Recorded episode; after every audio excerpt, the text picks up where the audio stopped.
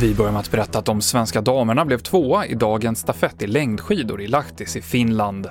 Norge vann klart, men Sverige tog alltså andra platsen efter en stark sista sträcka av Ebba Andersson.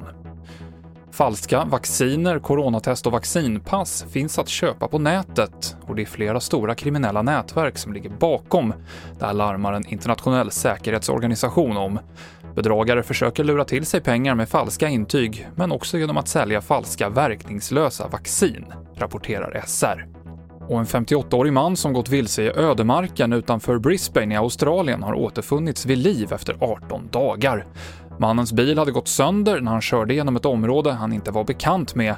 Lokalpolis skriver att han stannade i bilen med sin hund i tre dagar innan vattnet tog slut. Sen lämnade han till fots och stannade vid en damm där han överlevde genom att sova på marken, dricka från dammen och äta svamp.